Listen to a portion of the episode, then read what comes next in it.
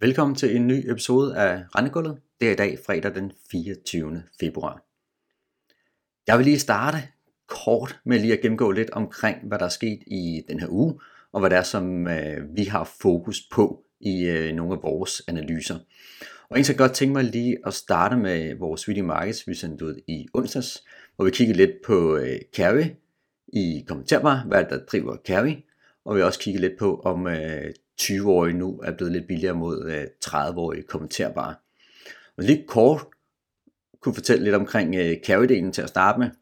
Selvfølgelig lige velkommen til at kigge i analysen, det er altid lidt nemmere på skrift at se nogle øh, tal og tabeller osv. Men her får jeg lige lidt ord på det, vi har siddet og kigget på. Så har vi jo en vers kurve i den lange ende fra 15 år af og øh, ud. Så hvis man har en bond f.eks. 30 år kommenterbar selvfølgelig, med en del eksponering ud omkring 15-30 års punktet, jamen så alt den lige, så er det jo så et, øh, et lidt mere negativt kurrol, som øh, man har der. Og det går selvfølgelig ind og påvirker carry, når vi regner i øh, modellerne. Så hvis vi kigger på det, jamen så har vi jo specielt i vores model i en hel del risk ude i 20-årspunktet for de 30-årige kommenterbare. Jeg kan godt forestille mig, at der er lidt forskel blandt de forskellige modeller, hvor renterisken i de her 30-årige kommenterbare præcis ligger sådan mellem 15 og 30 års punktet. Husk på, der hvor, øh, hvor risken er, det fortæller lidt omkring, hvad det er for et refinansieringsalternativ, som der bliver brugt i modellen for at vurdere værdien af, af prepayment-optionen. Og det vi gør, der bruger vi et øh, annuitets cashflow til at regne ud, hvad øh, refinansieringsalternativ renten er, og det gør sådan set, at vi ikke har så meget risiko i 20-årspunktet, fordi, eller undskyld, vi har en del risiko i, nemlig har en del risiko i 20-årspunktet, og ikke så meget i 30-årspunktet. Og det skyldes sådan set, at øh, en del af notionen selvfølgelig er betalt af, når vi når efter 20-årspunktet. Har man i stedet for en 30-års rente, man bruger i modellen for, hvad refinansieringsalternativet er, jamen så vil man selvfølgelig også få en, øh, delta-vektor ude i 30-årspunktet, som er ret høj.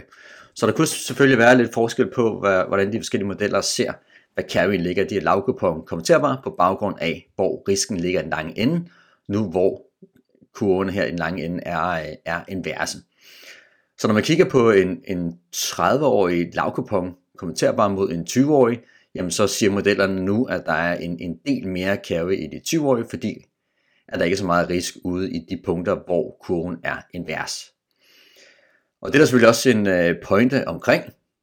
Kigger man på og sige, det er selvfølgelig svært lige at forudsige, om, om kurven skal blive ved med at være så invers eller ej, om prøve at tage en lidt mere optimistisk måde at anskue det på, og lidt mere simpelt, hvor vi sådan set bare siger, at kursen på de her kommenterbare obligationer, uanset øh, løbetiden, det går gradvist mod 100 i takt med løbetiden men så får man sådan set et uh, lidt mere smooth billede af, hvordan øh, uh, pull to par effekten den, uh, den bliver.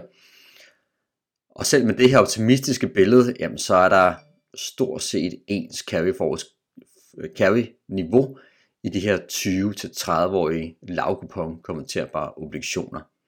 Så på den vinkel kan du sige, selvom man anskuer det mest positivt for de 30-årige, jamen så ligger de stort set på niveau med de 20-årige. Så øh, jeg synes, de 20-årige er blevet en lille smule mere værd at øh, kigge på. Det er ligesom også det, der er konklusionen i den analyse. I og med, at de giver stort set ens carry som de 30-årige, og så har de bare noget mindre risk generelt set, og de har også noget mindre varighed selvfølgelig. Og PT, når vi kigger på kursspænd og OS'er, jamen så, øh, så er det altså lidt på det billigste niveau, det har været i, øh, i ret lang tid i hvert fald. Så lidt værdi i at se på de 20-årige frem for de 30-årige nu her, men kig endelig mere i analysen, for at få lidt, øh, lidt mere tal på også. Så lavede vi også en øh, opdatering af debitgrupperne. Og det er selvfølgelig ud fra de øh, loan payments, der sker i, øh, i markedet. Det gør os i stand til, at vi kan tracke den her hale af de store lån, som er super relevant, når vi kigger på prepayments fremadrettet og prepayments risikoen i de forskellige obligationer. Og under grund, ja, men siden sidst vi lavede en opgørelse i øh, slutningen af januar, så er der faktisk ikke sket noget nævneværdigt. Der er ikke nogen rigtig store lån, der er blevet øh, udbetalt, som øh, har flyttet på øh, debitorgruppen og som har øget risken i øh, nogle af de her lidt højere kuponer. Derudover så skete der selvfølgelig den del, at 553 igen åbner som øh, udstedspapir, og vi så også en, en ret tydelig effekt på øh, udstedelsen lige så snart det skete. Så en pæn stigning i udbuddet lige da den øh, åbnede. Det har vi set øh, tidligere, når andre kommenterer på obligationer lige er kommet ned under øh, kurs 100. Låntager har simpelthen en ganske fin præference for at udstede lige omkring kurs øh, 100. Og det giver jo god mening med den volatilitet, som vi har i renteniveauerne, at man ikke køber eller udsteder i en kommenterbar obligation, der ligger langt under kurs 100, og dermed har på kort sigt en forholdsvis stor risiko for, at øh, restgælden bliver, bliver øget, hvis det er, der sker et øh, rentefald. Så må jeg ikke øh, udstedelsen lige komme til at ligge lidt højere end normalt her de næste øh, dages tid, hvis den her 553 bliver ved med at ligge lige under kurs 100. Man siger, den større udstedelse, jamen det bragte sådan set net supply positivt to dage den her uge. Der skal vi altså rigtig, rigtig langt tilbage, for vi har to dage med positiv nettopleje supply i, øh, i kommenterbar. Følge var det ikke specielt øh, store beløb, vi taler om. Vi talte den ene dag på 300 millioner, den anden dag på 50. Men ikke lige, så, så tyder det i hvert fald bare lidt på, at der godt kunne være en lille vending i udstedelsesmønstret i forhold til det, vi har set de sidste øh, mange måneder altså med lidt mere udstedelse i kommenterbar, måske lidt mere, mindre udstedelse i flexer og floater. Og det er selvfølgelig også fordi, vi har set 553 der meget tæt på kurs 100, vi har set korte renter, der har været lidt stigende, så det kunne selvfølgelig godt gøre, at øh, lidt marginalen vil sætte flere låntager at vælge de øh, fastforrentede frem for flex og floater. Jeg tror dog stadig, at øh, hovedparten af låntagerne, de tænker, renterne er høje, vi binder dem, vi binder kun renten i kort tid.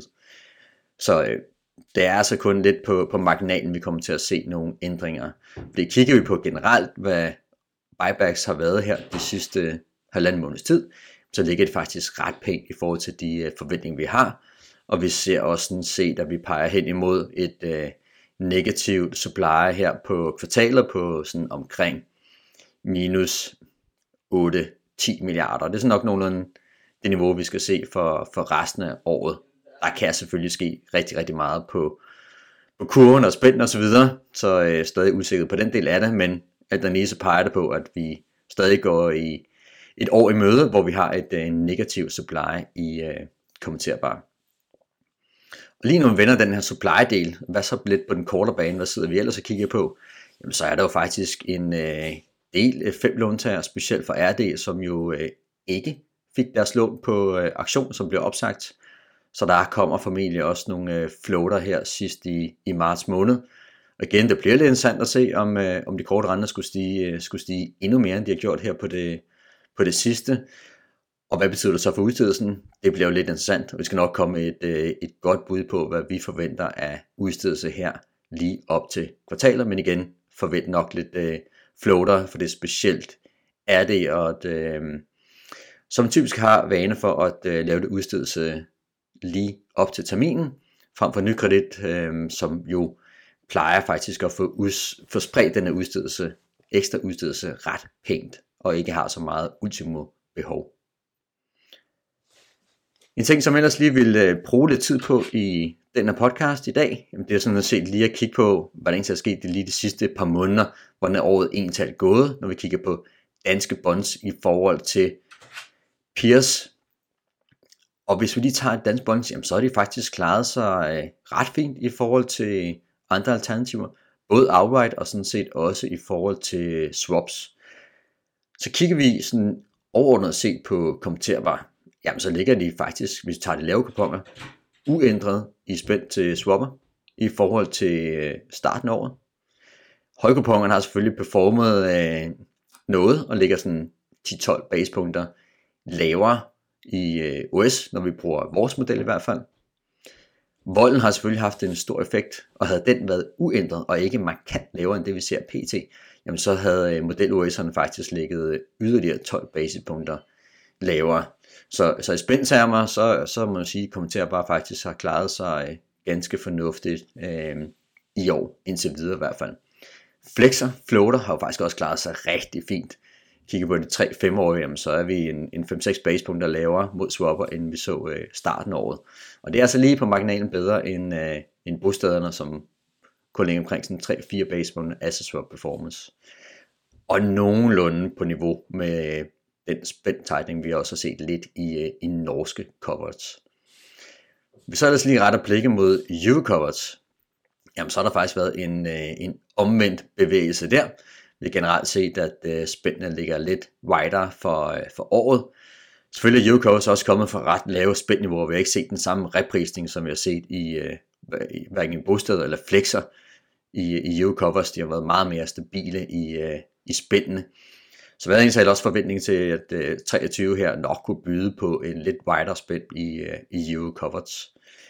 Igen, det er ikke voldsomt. Jeg kigger på øh, de sekundære spænd, og vi tager for eksempel de franske covers, så ligger de 5-6 basepunkter wider for, for året. Tyske covers fra briefen ligger kun marginalt wider, når vi kigger på de sekundære kurver. Og så har vi lige den allerseneste udvikling på de, på de primære marker for EU covers, jamen, så er det faktisk gået en uh, lille smule bedre, end vi så øh, tidligere i år.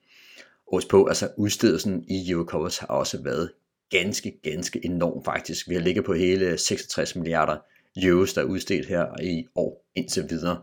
Og det er så cirka 50% højere end det niveau, vi så øh, for et øh, år siden. Så med den her store udstedelse øh, i, i mente, og sådan set også snart en forventning til, at øh, der ikke skal være så stort bid fra, fra ECB på, øh, på udstedelserne, jamen så er det forståeligt nok, at vi har set noget spændudvidelse i øh, det produkt her på det seneste. Så alt i alt, danske bonds har klaret sig, sig faktisk ganske fornuftigt. Og så kan man altid stille sig spørgsmålet, kunne de have klaret sig endnu bedre? Det har lidt været vores take, specielt i øh, kommenterbar, her i løbet af januar i hvert fald, og lidt februar også, at vi godt synes, at der kunne have været lidt mere performance, når vi holder dem op imod øh, kredit, aktier, vold, renteniveau osv jamen så kunne det godt tale for, at der faktisk, i historisk sammenhæng i hvert fald, skulle have været en lidt endnu større performance i, øh, i kommenterbar. Man kan sige, at kommenterbar er kommet lidt bedre efter det, må man sige i hvert fald, med den performance, vi har set øh, på det seneste. I forhold til vores sådan, fair value niveau, jamen så kunne, øh, så kunne sådan nogle 4% der måske godt tighten 10 basepunkter mere i spænd og så er de sådan set øh, på et, øh, et fair niveau. Men de har altså catchet en del op i forhold til, øh, i forhold til vores færre OS-niveau her i løbet af februar måned. Så en lille smule performance kunne der godt være yderligere. Tager vi derimod og kigger på flexerne, altså så femårige flexer har jo øh, som nævnt klaret sig ganske, ganske godt, og holder man dem op mod noget iTrax og sådan set kommenterbar også, jamen så, øh, så har de klaret sig godt. Og De har klaret sig øh, lidt bedre, end, øh, end vi kunne forvente, de skulle gøre. Så jeg tænker ikke, der sådan er så meget potentiale tilbage igen i, øh, i femårige flexer mod swapper. Vi er jo også godt på vej ned mod de øh, bundniveauer i assessorspændende øh, termer.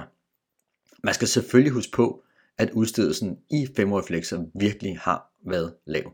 Bare på de seneste refinansieringsaktioner, hvor vi har fået en uh, markant reduktion af, af udbud i forhold til, hvad der lå af rull af femårige flexlån, dagligt ser vi heller ikke så mange femårige flexer, der bliver, der bliver udstedt. Og det tror jeg også bliver temaet for, for resten af året. Så tager man det her med i perspektivet, jamen så, så måske ikke helt så overraskende igen, at vi har set en, en ret god performance i, i femårige flexer, og det ligger lidt tightere end hvor sådan et, et færre niveau kunne, øh, kunne indikeres og ligge i hvert fald. Så har på den måde så har bosteder måske et, øh, et noget større potentiale for at skulle se noget spændt den, øh, den næste tid i hvert fald.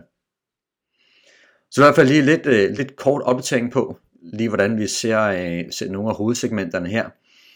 Stadig lidt potentiale i, i kommenterbare. Kig mod øh, de, øh, de lidt høje kuponer. Stadigvæk øh, synes jeg, at der er noget øh, værdi i. Kig måske også lige lidt omkring de 20-årige lavkuponer, som ser en lille smule billig ud. PT er i hvert fald noget billigere, end de har gjort i, i lang tid. Og måske lidt begrænset potentiale i øh, flexerne i forhold til de kommenterbare det næste stykke tid. Så kan vi lige øh, afslutningsvis runde lidt af, hvad vi kigger på i, i næste uge, og på mandag kommer der selvfølgelig et lidt interessant tal. Det er selvfølgelig ejerfordelingstallene, vi får.